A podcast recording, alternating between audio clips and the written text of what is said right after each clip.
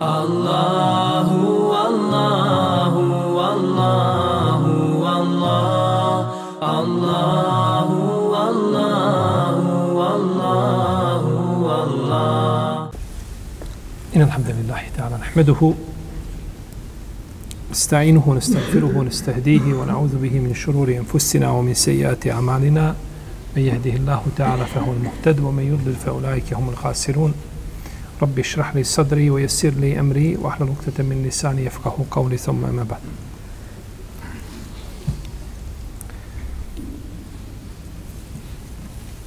Mi došli do 236. ajeta u kome uzvišeni Allah zaođer kaže La junaha alaikum in talaktumun nisae manem temesuhunne au tefridu lahunne ferida.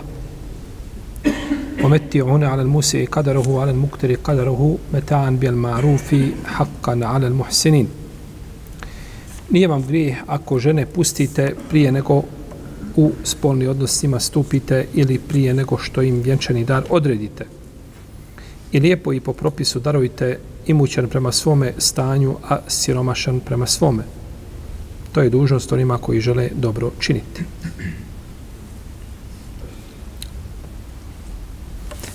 I ovaj ajet tiče se raspuštenica. I u njemu se, znači, spominje da nema smetnje u tome ako dođe do prekida bračne veze, do razvoda, prije nego što muž stupi u bračni život sa svojom suprugom ili prije nego što je odredi vjenčani, vjenčani dar. A, ovaj ajet znači govori o jednoj specifičnoj situaciji a, u kojoj znači dođe do prekida bračne veze faktički odmah s njenim početkom. Ne mora biti početak, mogao je bračni ugovor biti zaključen nekada ranije. Ali a, često se dešava da bračni ugovor znači biva zaključen neposredno prije jeli, bračnog života. Pa je ovdje pojašnjeno znači a, kakvo je stanje, budući da je mehr ženi obavezan, a možda bi mogao odmah neko pomisliti, budući da se ono ženio, ona njoj pripada mehr, bez obzira šta se desilo. A situacija nije u stvarnosti takva. Nego znači njoj pripada u tom slučaju a, jeli jedan dio mehra ili njegova polovina. Neki učinjaci kažu nema smetnje, ovdje misli se lađu na alaikum, nema smetnje da, da ih razvedete dok su u ciklusu. Inače, razvoj žene u ciklusu je šta? Novotarski, zabranjen način. Ali, a, budući da ženom nije imao intimni kontakt, ona nema čega. Nema ideta, nema pričaka. Pa kažu, to se odnosi, jeli, a, na tu situaciju. Nema smetje, znači da se razvede ako postoji za to validno opravdanje. Jer postoji razilaženje među islamskim učenjacima šta je osnova u vezi s razvodom. Je li to dozvoljeno ili zabranjeno? Šta je osnova? Veliki broj učenjaka kažu da je brak, da je razvod mubah. Što znači da bi mogao se razvesti ti i ako nema šta? Razloga za to, validno. Međutim, ima i skupina učenjaka koji kažu ne, osnova kod, kod razvoda je da je to zabranjeno da se tome ne pristupa i ne poseže se za razvodom, osim kad postoji razlog. Jer razvod sa sobom nosi brojne ovaj a, a, probleme za jednog i drugog supružnika i za djecu, a naročito za, za suprugu.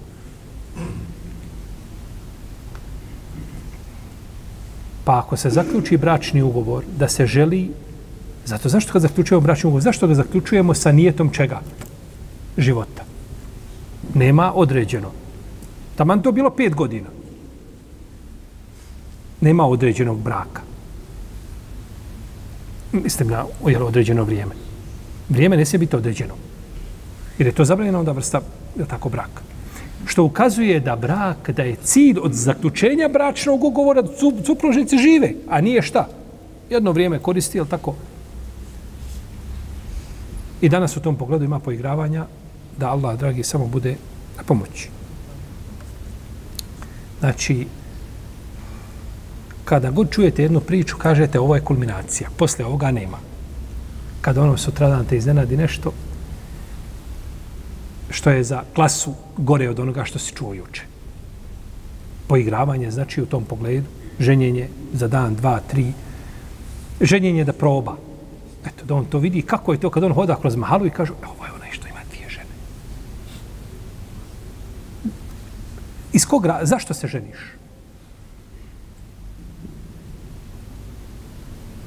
Da uzmeš ženu, leto provodaš je malo od, od bune do, do, do bihaća gore, po svim tim stajalištima, odmaralištima gdje ima i nakon toga kažeš nismo mi jedno za drugo. E, čuj, niste jedno za drugo. Nisi zato što ne želiš da budete jedno za drugo. Nisi ni pokušao, nisi ništa od sebe dao da budete jedno za drugo. Brak treba da bude snijetom života, ne da se poigravaš sa djecom muslimana.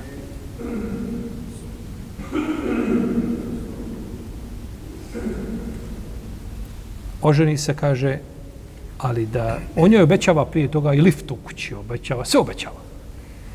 Kad se oženi, ne kaže, ali molim te, kaže, ne smije prva žena nikako znati.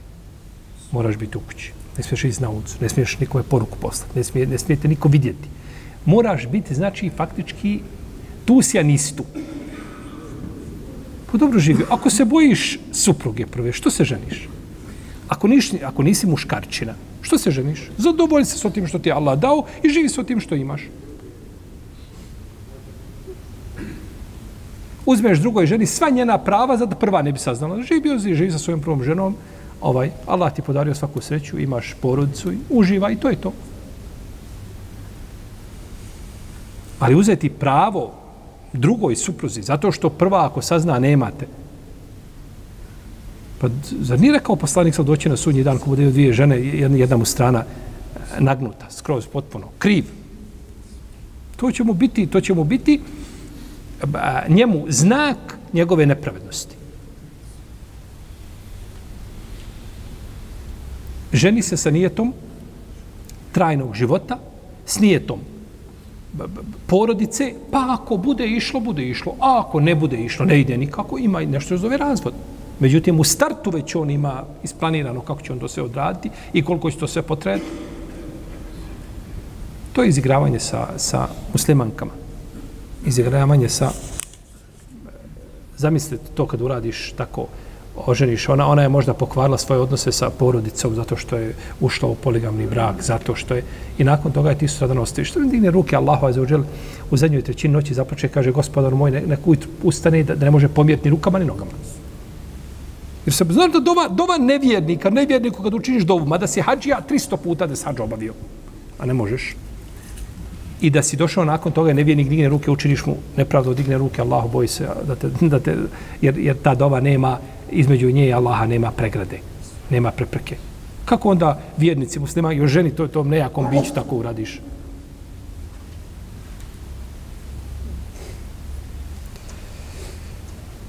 O kesruha talakuha. A lom za ženu je razvod. Tako došlo hadis.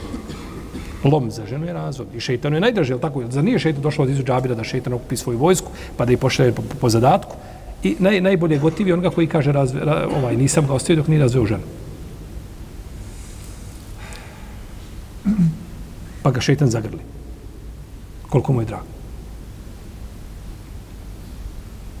ima i hadisu Ibn Hibana da šalje, da šalje vojsku svoju, pa da onome ko kaže ko danas muslimana odvede u zabludu, kaže ja ću mu staviti onaj krunu na glavu.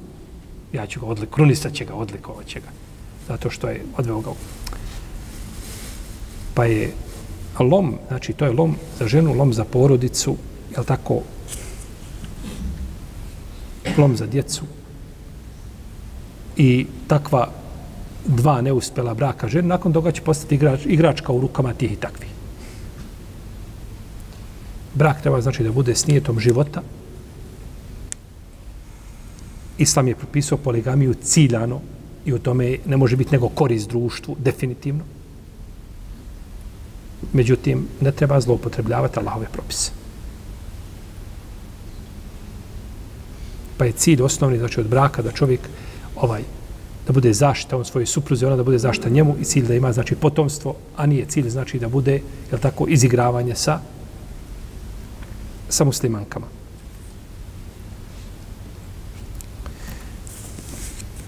Dobro. Mi imamo, kada govorimo o raspuštenicama, imamo četiri vrste, ili bolje kaza, žene se mogu naći u četiri stanja kada je riječ o, o razvodu. Može biti prvo da je žena razvedena nakon bračnog života.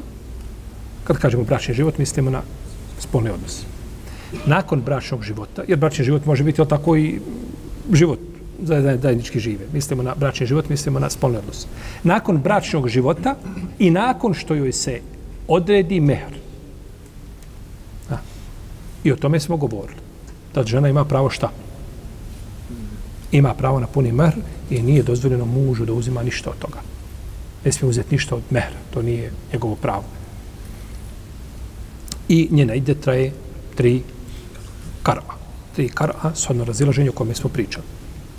Imamo drugu, drugu situaciju, to je žena koja je razvedena, a nije joj određen vjenčani dar, niti je imala s mužem bračni život. Nije, znači, imala intimni odnos sa mužem. A, ovaj ajet govori o njenom stanju. Ovaj ajet govori šta o njenom stanju. Prije stupanja u intimni odnos i prije određivanja čega? Vjenčanog dara ili mehra pa je uzvišen Allah naredio znači da njoj pripada šta?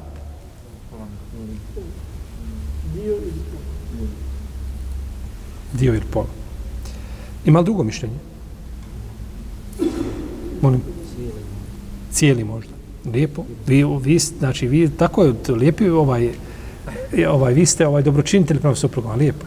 Ima li treće mišljenje? Muž oženio ženu nije sa njom imao intimni odnos i nije joj odredio vjenčani dar. Ništa. Mi smo danas čitali ajet. Ja ću ga pročitati još jedan put. Slušajte. Nije vam grijeh ako žene pustite prije nego što sa njima u spolni odnos stupite i prije nego im vjenčani dar odredite. U redu.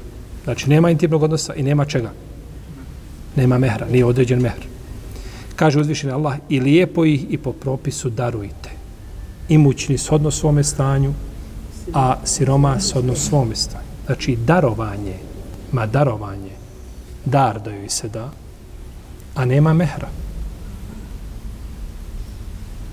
Vi ste požurili polovina mehra u narednom ajetu. Polovina mehra je u narednom ajetu. Pa je ovaj ajet znači govori da ona da njoj pripada šta? Darovanje. A ajet u suri Al-Ahzab govori da ona nema ideta. Ja, ejuha ladina amanu, idha nakahtum mu'minat, ثم طلقتموهن من قبل أن تمسوهن فما لكم عليهن من عدة تعتدونها O vjernici, ako oženite mu'minke, potom ih razvedete prije nego što sa njima u intimni odnos stupite, one nemaju ideta koga su dužne ispoštovati, koga ćete vi brojati. A. Pa je druga skupina šta? Nema bračnog života i nema čega? Mehra. Treća skupina jeste raspuštenica koja je određen a, mehr ali nije sa njom stupio u intimni odnos. Određeni mehr, znači, oni zaključili bračni ugovor, red, mehr je bio hiljad maraka, ali nije došlo do intimnog odnosa. Naredni ajet govori o tome. Doćemo do toga. Naredni ajet govori o toj situaciji koju ste vi ovaj spomenuli. I imamo četvrtu skupinu a to je žena koja je kojom je muž stupio u bračni život, a nije odredio mehra. Znači, oni su zaključili bračni ugovor, nisu obraćali pažnju na mehr. Nisu znali za mehr. Ne, nešto je bilo, uglavnom nekakav je razlog bio zbog čega nije došlo do čega. Do određivanja mehra. Treba odrediti mehr. فَمَسْتَمْتَعْتُمْ بِهِ مِنْ هُنَّ فَآتُهُنَّ uđure A onim s kojima ste imali odnos podajte vjenčane darove. Pa ovaj ajet koga smo pročitali i ajet nakon njega govori o ženama sa kojima dok, gdje je došlo do razvoda braka, a nije određen mehr. U prvoj situaciji, a u drugoj šta? Određen mehr. Ali nije došlo, znači, do bračnog života. Pa su ova dva ajeta, znači, vezana za tu situaciju. Ili jasno? Ili... A, moglo bi bolje se pojasniti, jel da? Znači, imamo bračni ugovor je zaključen, bilo vjenčanje pred kadijom, pred efendijom, zaključen bračni ugovor. I nije određen mehr, ili je određen mehr. Kad nije određen mehr, o tome govori ajet koga smo sad o kome pričamo. A naredni ajet govori kada je došlo do razvoda, nema intimnog odnosa, ali je određen mehr. Imamo, znači, te dvije situacije.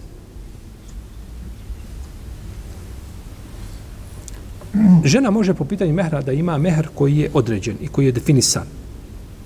Ili mehr koji nije definisan, nije spomenut prilikom bračnog ugovora. Dobro. Je li bračni ugovor bez mehra isprava? Jeste. Pa je ovdje kaže se ovaj, ovaj, u ajetu nema smetnja ako oženite žene i ne dotaknete i prije nego što im šta, vjenčane darove. Znači ti se oženio. A da nije bračni ugovor ispravan, šta bi se tada desilo? Ne smiješ dotaknuti, jeste. Ne bi moglo biti razvoda. Nema razvoda, ne možeš... To je batil ugovor. Dvoje se nađu na ulici. On nju pogleda, ona njega. Jesmo li jedno za drugo? Kaže, Boga mi, ne znam ko bi, ako nismo mi. Hajmo. I njih dvoje sjednu i nako dogovore se na komad papirići napišu i potpišu oba dvoje da su oni. I on nakon toga se nešto naljuti i kaže, razvodim te. Razvodio nju ili razvodio komšinicu tamo nekako isto.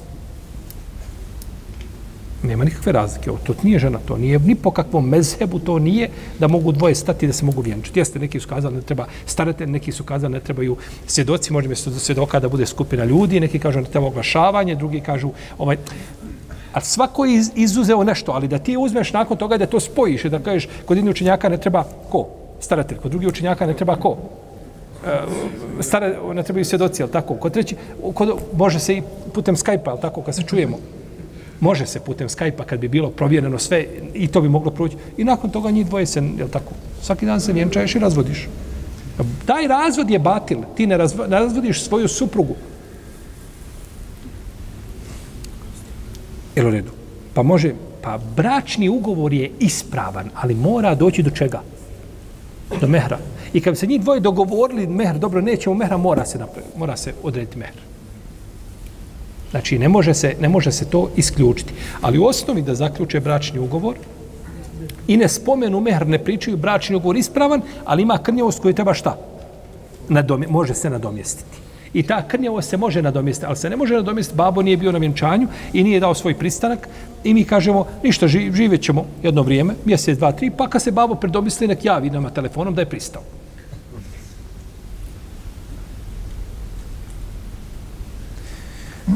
Pa je a, to se zove to se zove ovaj a, nikahu tafwid kad nema nije mehr spomenut znači iz ovoga na onoga razloga ili pa se nakon toga odredi i on se onda priključi kao da je spomenut u ugovoru i nije problematično, znači shodno dogovoru biva isplaćen.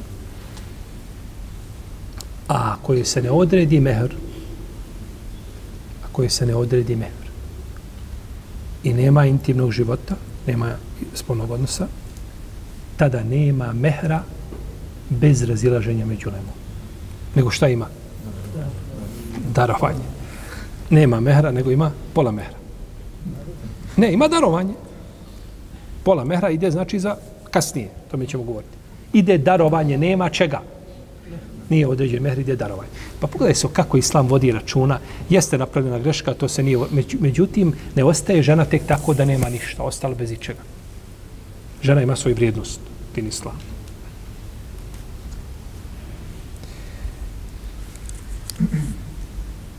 U ovom vezi s ovim konsensu činjaka spominje Kadija Ebu Bekr ibn Larabi. Međutim, spominjali Mehdeu i od Hamada ibn Abi Sulejmana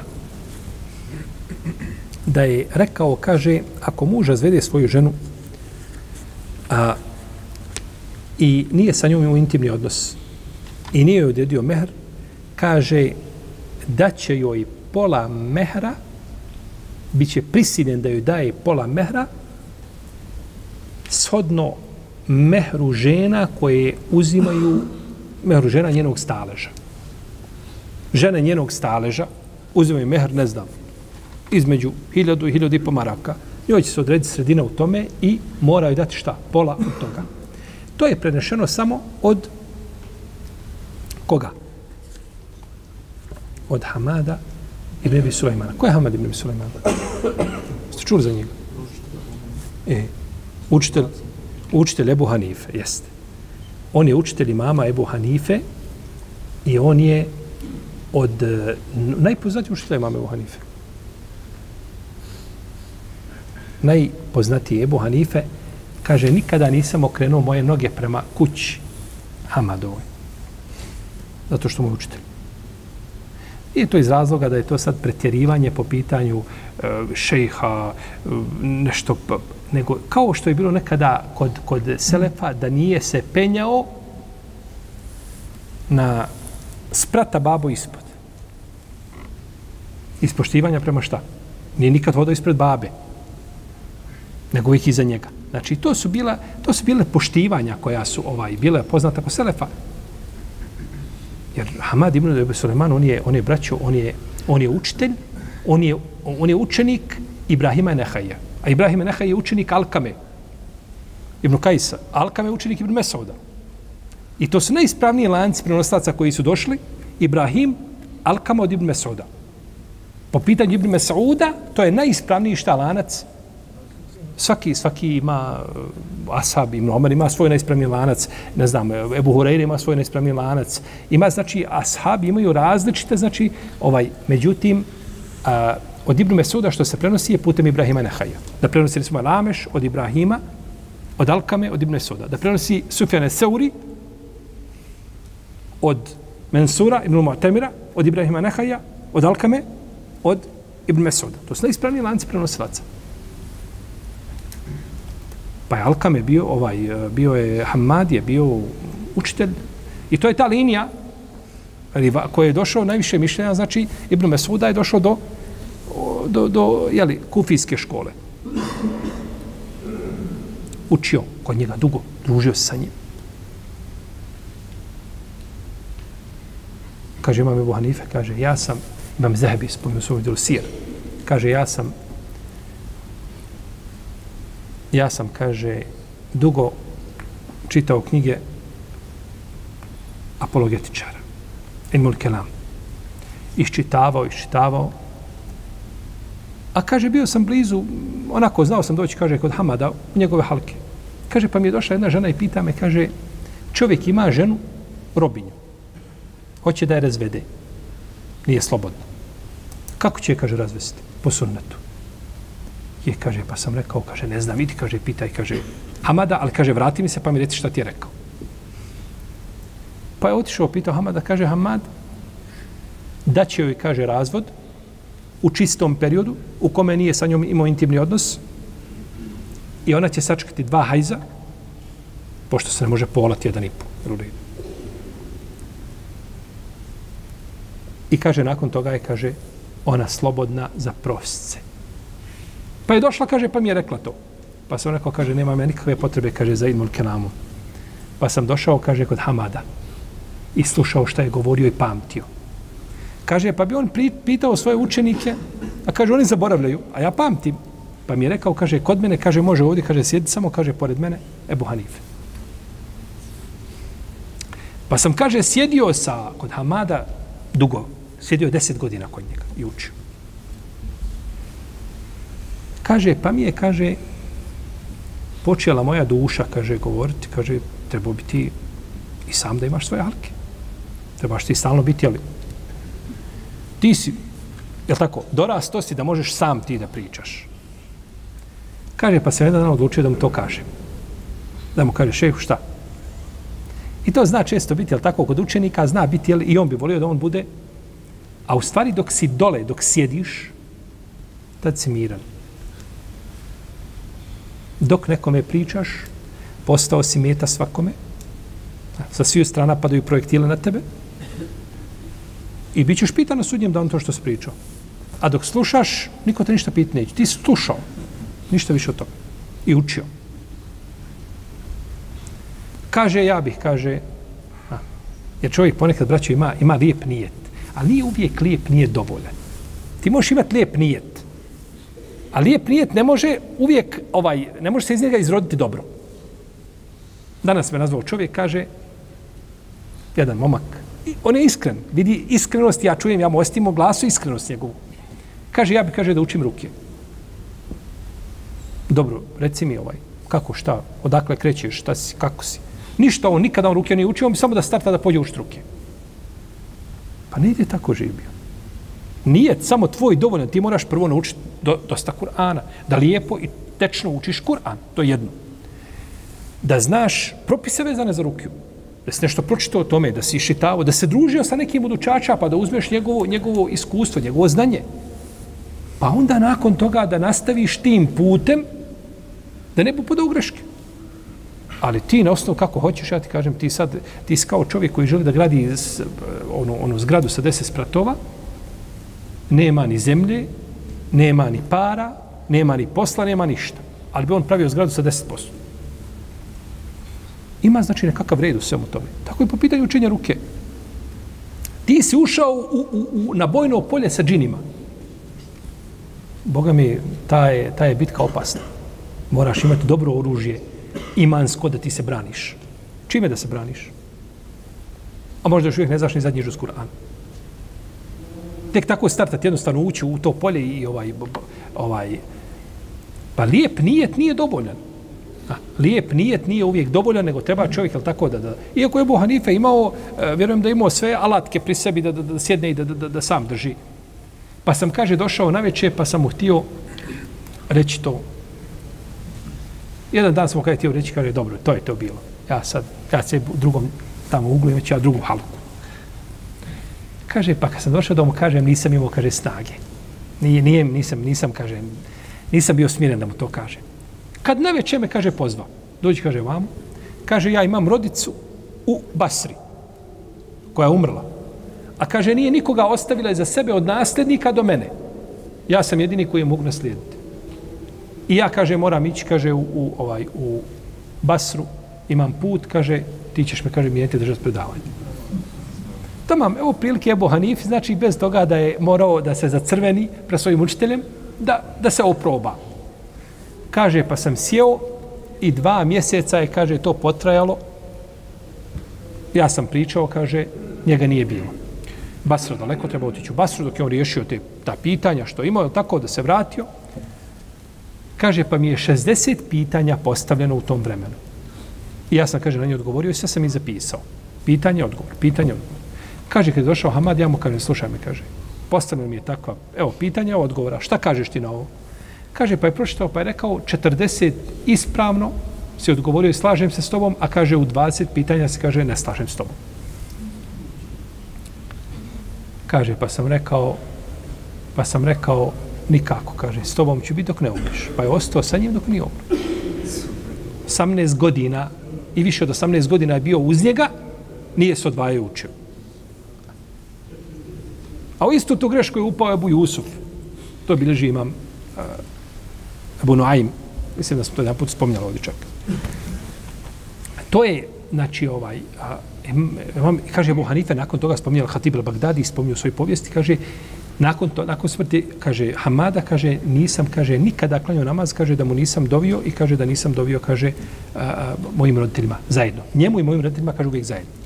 I kaže, ja dovim svim mojim učiteljima, kaže, i dovim svakome onome, kaže, ko uzima znanje od mene. Tako rekao je Bohanife, Hanife, rahimehullahu, rahimehullahu, teala. Pa je ovaj a, a, učitelj imama Ebu Hanife, koji je zvao Hamad ibn Sulaiman, al-Kufi, veliki učenjak, on je sam rekao, izdvojio se iz konsensusa koga je naveo Ibn al-Arabi Ebu Bekr al-Maliki, gdje kaže da žena ako bude razvedena prije intimnog odnosa i prije nego što je se odredi, odredi vjenčani dar, on kaže ne, njoj će se odrediti dar koji pripada ženama njenog staleža, pa će joj se dati od tog dara šta? Polovina. To je mišljenje slabo. Jer u ajetu se šta skaže? Da. Bogat prema... Ne, jeste. Darujte ih bogat shodno svojim mogućnostima, siroma shodno svojim, svojim mogućnostima.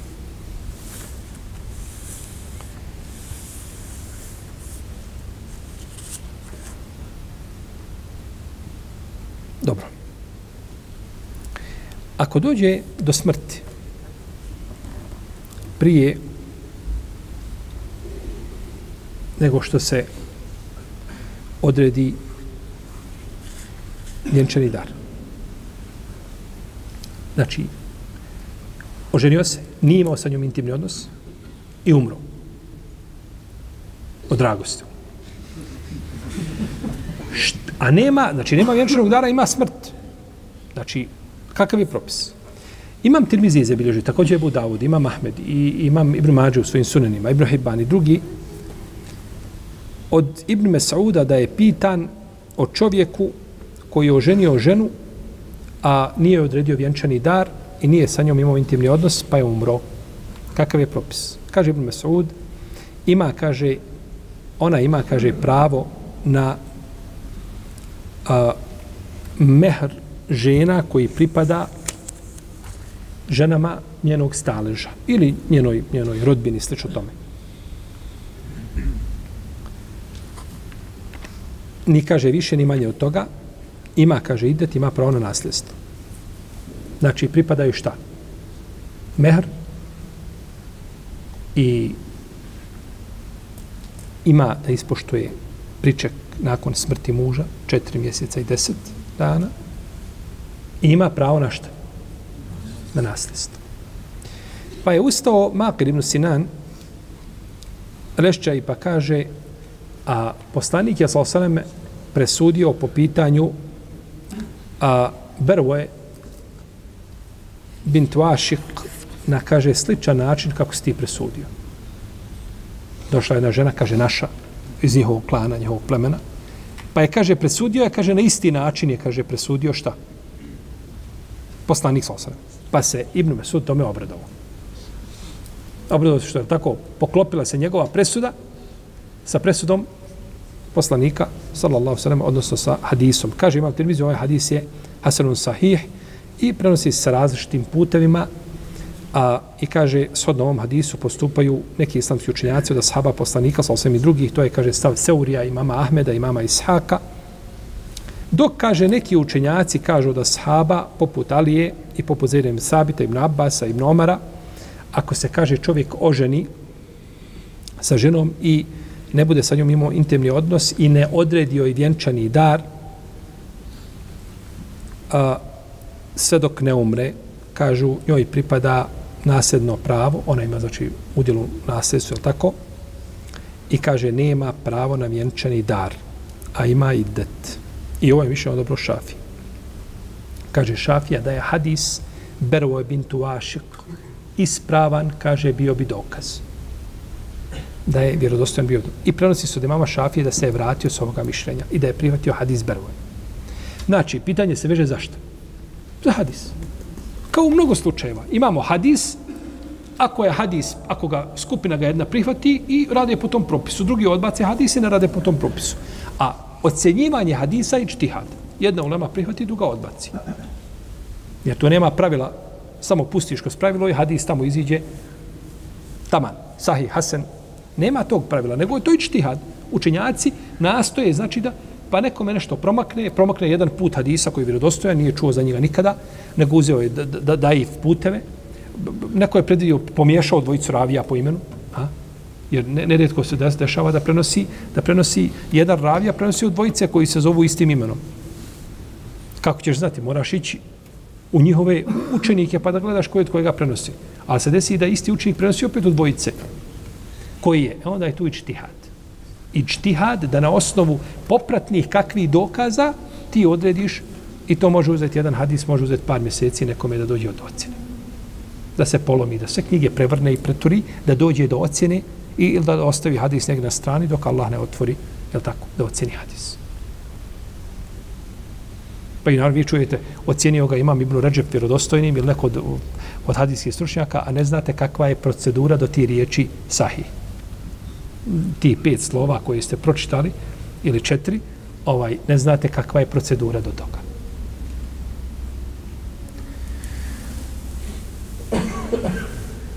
Ovaj hadis, kaže za njeg imam Tirmizi, imam El Bejheqi u svom dijelu El Kubra, Ibn Dakik Al Aid i Ibn Al Munzir, Ibn Abdul Hadi, Ibn Al Mulekin i Mubarek Furi da je vjerodostojan. Ibn Arabi Al Maliki kaže da je ovaj hadis slab. Kaže da je hadis slab i Imam Šafija je ovdje po svemu sudeći bio neodlučan po pitanju hadisa. Ako je ispravno da se vratio, onda je vjerojatno prihvatio hadis. U dijelu svom Bulugul Meram kaže da ga je skupina učenjaka ocijenila dobrim. A u dijelu Etelhisul Habir kaže da ima ovaj hadis nešto što ga podupire. A u dijelu Ithaful Mehara kaže da ovaj hadis ima različite puteve. Dok Kadija Ebu Mohamed Abdul Wahab kaže da su veliki hadijski stručnjaci odbacili ovaj hadis. Ibn Muzir se nije složio s otim, Ibn Muzir je prihvatio hadis. Uglavnom, znači, razilaženje je po pitanju prihvatanja odbijanja hadisa, a po svemu sudići da bi hadis mogao biti prihvatljiv. Da bi hadis mogao biti prihvatljiv.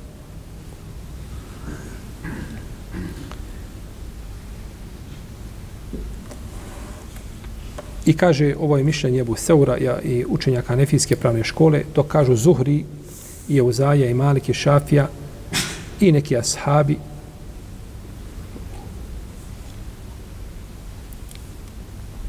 a,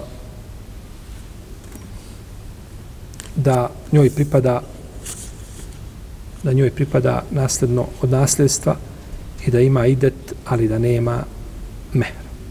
Da nema čega. Mehr. Kaže imam Kurtobi, a Ako je, kaže, hadis potvrđen, kaže, onda nema mjesta analogije. Kaže, ispomenuo je, kaže, naš učenjak Ebu Mohamed Abdul Hamid El Harawi, Ibn Sa'eg, poznat kao Ibn Sa'id, on, um, on je umro 686. iđeske godine, kaže, spomenuo našem mezebu, kaže, ono što odgovara hadisu, kaže, hvala Allahu. Što odgovara da imam kurtovi, što, što se razumije s toga, imam kurtovi šta? Težio ka hadisu. Ali je mezeb je rekao suprotno. Jel? Pa on kada je našao jednog učenjaka iz mezeba, njegovog selefa, kaže, Alhamdulillah, to je to. Tako da je Imam Kurtovi po svemu sudeći, znači ovaj prihvatio ovaj hadis i da je smatrao da se može raditi po, po ovom predanju. Ometio hun i darujte ih. Dajte im dar nekakav koji će ostati njima nakon vas, znači nakon razvoda. Dobro. Ovo darovanje, kažu Ibn Omar i Alija, i Hasan al-Basri, i sad Ibn Džubeir, i Ebu Kilave, i Zuhri, i Dahak, i Muzahim, da je vađib. Ovo darovanje žene da je šta? On dolazi, ovo darovanje dolazi na mjesto čega? Na mjesto mehra. A mehr je vađib. Pa kažu darovanje dolazi šta? I to je ženi znači pravo da da da joj se to uruči. Dok kaže Ebu Ubejd i Malik ibn Enes i Kadija Šurej i drugi učenjaci kažu, ne, ovo darovanje je sunnet, pohvalno, lijepo, nije obavezno. Dobro. Prvi koji kažu da je vađib, oni dokazuju riječima o metiohun, ajetima, rije, jeli, tom, tim imperativom koji je došao u ajetu. A, I darujte ih. To je naredba. Kažu i darujte ih. Drugi kažu nije. Dobro što nije. Kažu zato što uzvišeni Allah na kraju ajeta kaže hakkan alel muhsinin. Kaže to je obaveza dobročiniteljima.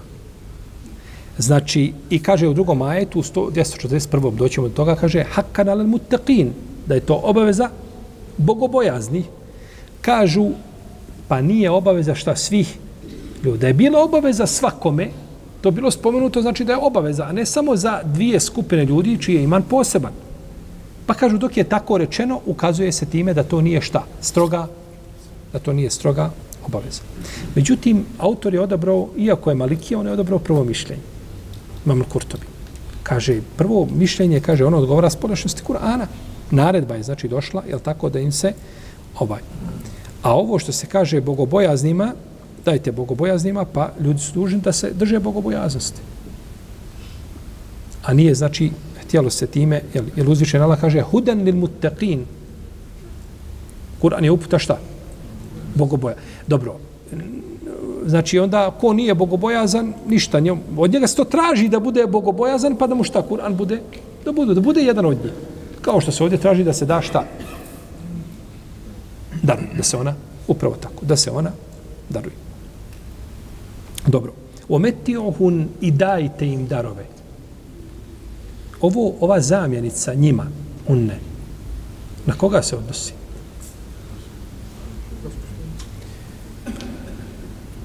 Kažu Ibn Abbas, Ibn Omar i Džabir ibn Zaid i Šafija i Ahmed i Ishak i hanefijski učenjaci kažu dar pripada raspuštenici kojom muž nije stupio u spolni odnos i nije određen mehr. A ostalim raspuštenicama je pohvalno ga dati. Ali naredba u Kur'anu njome se cilja ko? Ciljaju se znači i žene koje su razvedene prije bračnog života i prije određivanja čega? Mehra. Jer ovdje je došla zamjenica, dajte kome ko su te raspuštenice, kakva svojstva su njihova pa da ona zaslužuje tu otpremninu, to darovanje. Dok kaže ima Malik i malikijski učinjaci, kaže ova, ovo darovanje je pohvalno svim raspuštenicama. Svim raspuštenicama, osim jednoj skupini. Kojoj?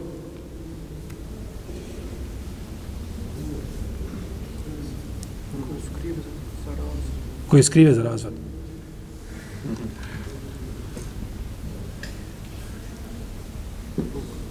Braćo, znači, nemojte žena kriva za razvod, da kriva ženi pripada mehr, ne znam koliko da je kriva.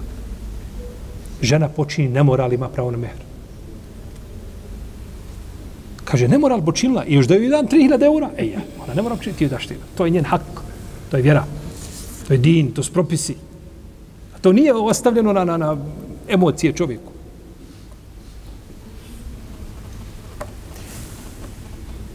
Izuzima se ovdje skupina žena koja se udala sa kojom nije došlo do intimnog odnosa, a prije toga je određen šta? Pa joj pripada šta? Pa pola mehra, ja u jasnom ajetu nakon toga, nije, može ima mali kazat suprotno tome. Pa je on rekao da svakoj raspuštenici pripada šta? Osim ovoj koja je znači ovako bila, pa joj pripada šta? Pola, pola mehra.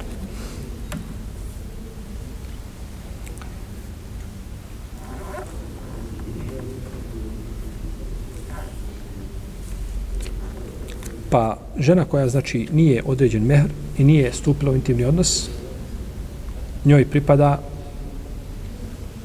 njoj ne pripada šta? Mehr. Nego ima znači pravo samo na otpremninu. Ova otpremnina, ona nije definisana šerijetski.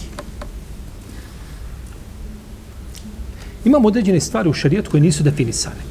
Neke su ostavljene, pa se vraćaju na običajno pravo. Neke se vraćaju, kao recimo dobročinstvo prema roditeljima, posjećivanje roditelja. Ti si dužan da posjećuješ svoje roditelje. I da do, dobročinstvo da im činiš. Ali to nije određeno koliko. To se razlikuje od čovjeka, od njegove mogućnosti, od roditelja, od njihove potrebe, sve razlika.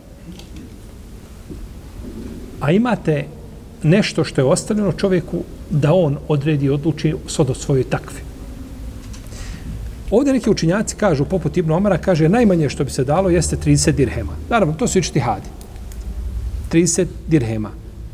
To su 3 dinara. Koliko je jedan dinar? 4,25 grama zlata. Oko 170-180 dolara. Tu negdje, ovisno, vrsti zlata, ovisno. Ili prošvercovane, splatio PDV, nisi splatio PDV. Tako. Gdje ga kupuješ, jel tako? Ja jedan put idem autoputom kad čovjek ispred mene ovako u onoj brzini kako ide, on je izišao napolje i ovako mene zaustavlja mene. Pa rekao, hajde, rekao, možda je čovjeku, ja stanem. Na sami se način nije dopao. Kako me zaustavlja, ali rekao, možda je čovjek potrebna pomoć. Ja stao kad on meni donese ovako pune ruke zlata. S, kaže on nekakvim problemima, kaže, sve ti ovo, kaže, dajem za 200 eura. To ima, koliko ima pola kila zlata sve daj to za 200 eura, kaže nešto ono na kakvim problemima, još te neke svoje kartice vadi, kaže, ova. Kaže, zavisi odakle šta ti dođe i kako ti dođe. Naravno, to je ovaj, to samo dok kiša padne, to je, to je ovaj sve željezo.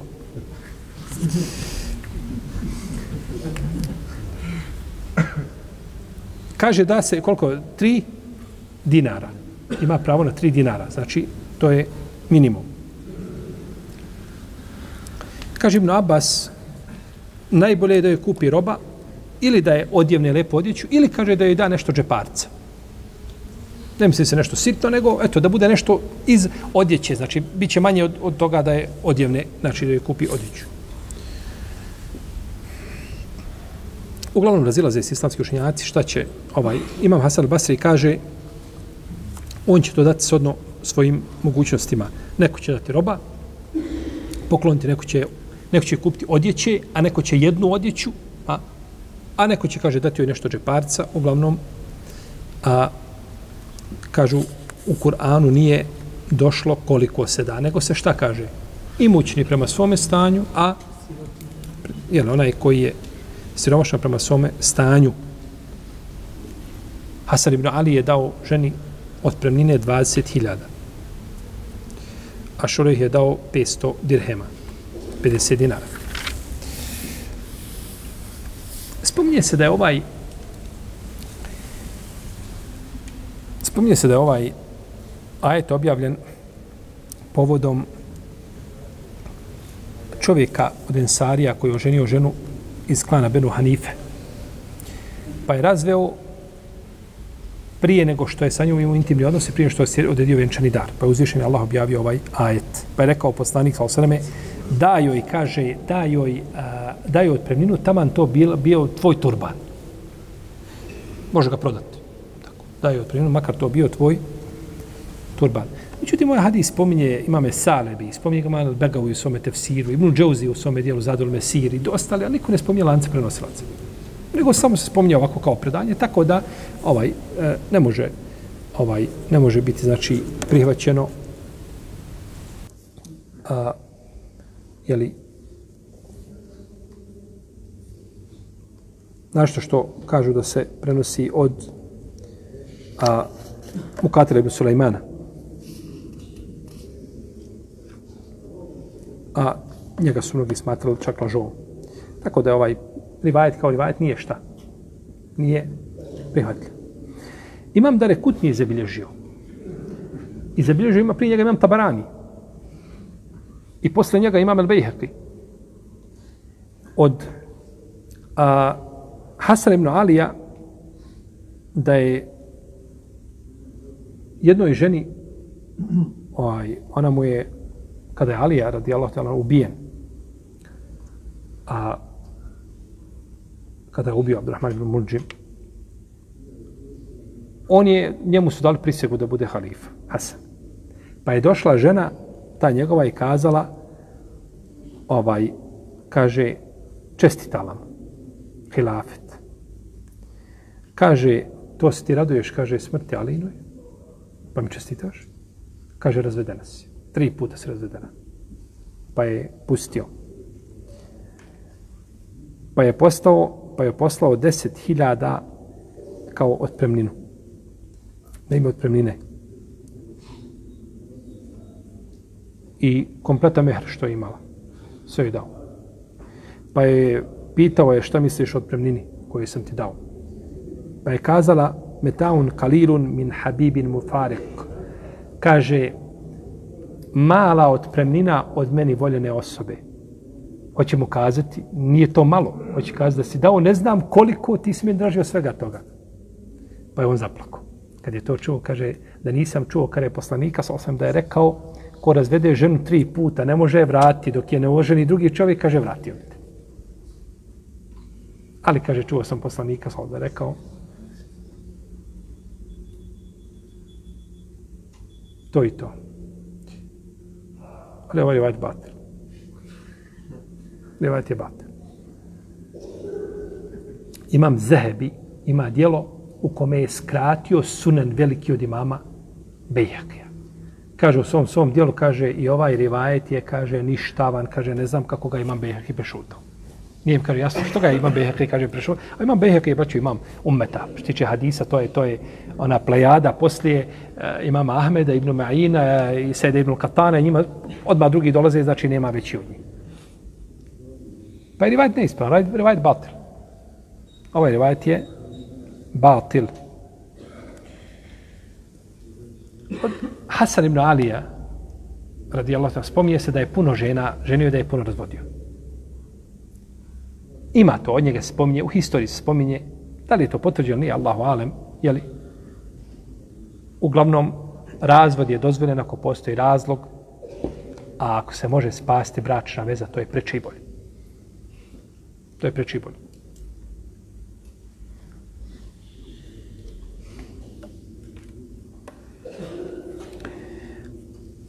alel musi kaderuhu, alel muktiri kaderuhu. Imućan shodno svome stanju, a i siroma shodno svome. Ovdje ima drugi kirajet. U alel musije kaderuhu. Kaderuhu, a ima drugi rivajet kadruhu. Pa na dalo imamo fethu ili sukun. I na jednom i na drugom mjestu. U alel muktiri kaderuhu, u alel muktiri kaderuhu. Kad kažemo alel mu kaderuhu, šta je razlika? To je znači on to određuje koliko će dati. A ako kažemo kadruhu, to je shodno njegovoj mogućnosti. Pa ovdje ima dva kerajeta, jedan drugi tefsire. I među njima ima, kako kažu učenjaci, benehuma u ifakun u firak. Oni se s jedne strane sastaju, a s druge strane su šta? Različita značenja. Znači daje, on procjenjuje shodno svoje mogućnosti koliko će šta dati. Ali je značenje opet da ti treba šta dati. To je najbitnije. Trebaš dati, jel tako? Da je to tvoja obaveza. To je, znači, ne moraš znati plaho, moraš znati šta su tvoje dužnosti.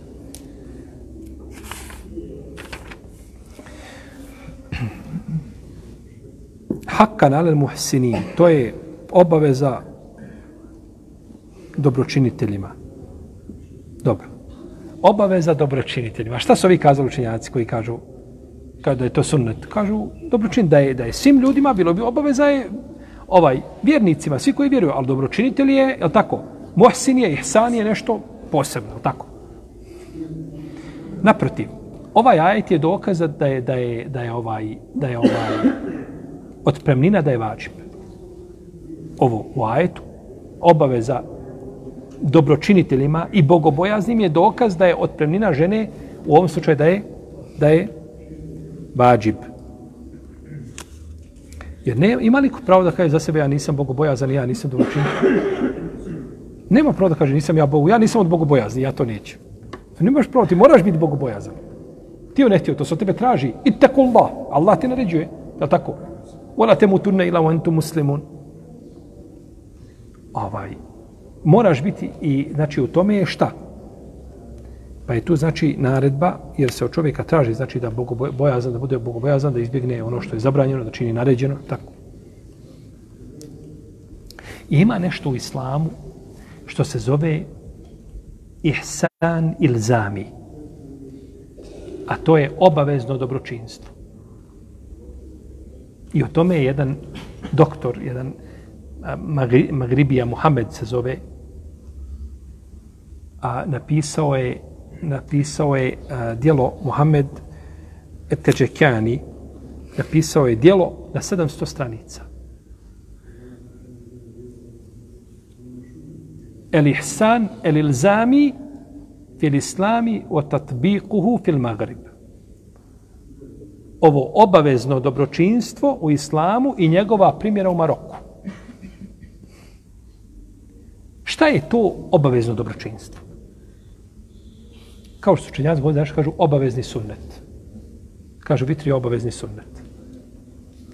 Nema, nema propuštanja. To kaže neki za kiku obavezni sunnet. I kaže za kurban. Kurbani kažu obavezni sunnet. Sunnetul vađibe. Kako sunnetul vađibe? Da mi samo objaska. Hoće se reći, to je sunnet, a najveći oblik sunneta i nemaš pravo da to ostavljaš. S tim se ne igraj. Il, ihsan il zami, obavezno dobročinstvo je, na primjer, vi imate zajednički, pet vas imate u jednom skladištu robu i uhvatio požar, sve. I ja spašavam moju robu. Ali ja sam dužan da spasim tvoju robu ako tebe nema i ti ne možeš spašavati. Ja sam dužan da to spasim. Ne mogu kazati, ne, ja sam spasio svoje, to je moje. Ne, ne, tu je dobročinstvo šta? Obavezno, moraš spasiti. I sve što sam ja na tom putu potrošio da spasim tvoju robu, ti me moraš namirati. Iako mi nisi dao šta? Pravo da ja raspolažem, braćo. Mi imamo u islamu, imamo, kad čovjek ima imovinu, ne može niko raspolagati njegovom imovinom bez njegove dozvole. Ne možeš ti prodati ničiji auto, ni kuću, ni zemlju bez njegove dozvole. To je zabranjeno. Ne smiješ ničiju imovinu doći ti, on je parkirao biciklo na jednom mjestu, ti gledaš, kažeš, sad ću ja to te prenijeti. Ovaj, ili auto ću ja te prevući na drugu stranu. To, to nije tvoje. Ti to možeš raditi samo sa dozvolom koga? Vlasnika robe, vlasnika imetka.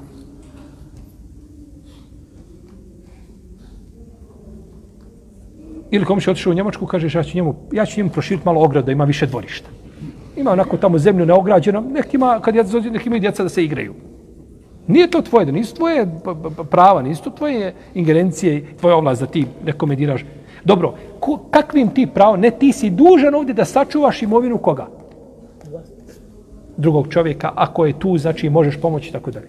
I on će ti namiriti što si potrošio u tom pogledu. Ako je čovjek u tom pogledu žrtvo sebe, ne znam, izgorla mu odjeća dok je uzvadio rob, ne, kupit ćeš mu novu odjeću zato što on zbog tebe to. I još ćeš ga nagraditi. To svakako treba da on uradi od sebe, jeli? Ali kada mu on rekao, a dobro, ko je njemu rekao da on prilazi tamo? Ne, bit ćeš prisiljen da mu to platiš. I zato dopalo mi se kad su bile ove naše poplave ovdje, kad je 12. koja 14. Ova, jedan mi brat priča, kaže, kaže, kuća, kuća komšije iza njegove. Kaže njegovo, a kaže kuća, kaže razara je, poplava, ulazi, jeli, kaže on je došao, kaže sa mnom i postavljamo, kaže daske, one kaže da ne ide E, voda u moje, kaže u moju štalu. A kaže njegovo gore sve nosi, i kaže on ne ide da opravlja sebi. Ne ide gore da, da zaštiti sebe, nego kaže došao je kod mene, sa mnom meni považe. To stvarno primjeri koji je ovaj, e, ovaj plijene čovjeku u dušu. Znači kad vidi da ima jel tako ljudi koji vidi da njegova imovina se uništava, ali ja ću spašavati komšinu, jel tako? Ovaj vezano je za ovaj što kažemo ihsan ili zami, iako on, on je bio tu prvenstveno zadužen da spašava svoju imovinu, je li? Definitivno. Pa je ovdje dužnost čovjeku znači da da ženi otpremninu. I ovdje dolazi do izražaja je tako, dobročinstvo čovjeka i njegov iman i vjerovanje. Daj se odnos svojim po... Pa neko će dati tri dinara. Kod nekoga će to biti sto maraka, jer više nema. Kod nekoga će 50, a kod nekoga može biti 5000.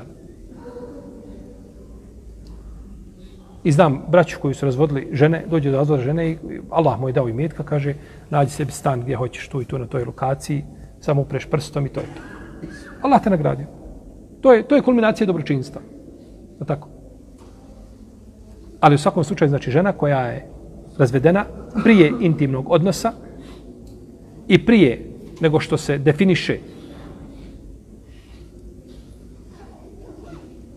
visina mehra, njoj pripada šta?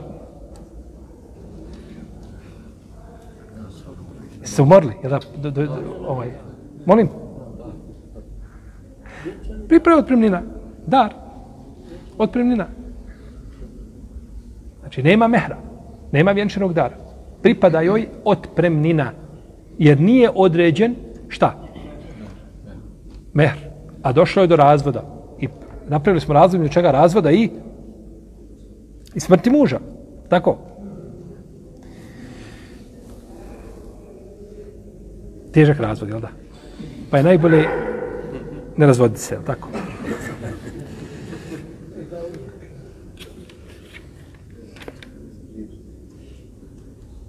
Nastavit ću inšalta našem narodu. Allah ta'ala, wa salli Allahuma ala Muhammed, wa ala alihi wa sahbihi. Allahu, Allahu, Allahu.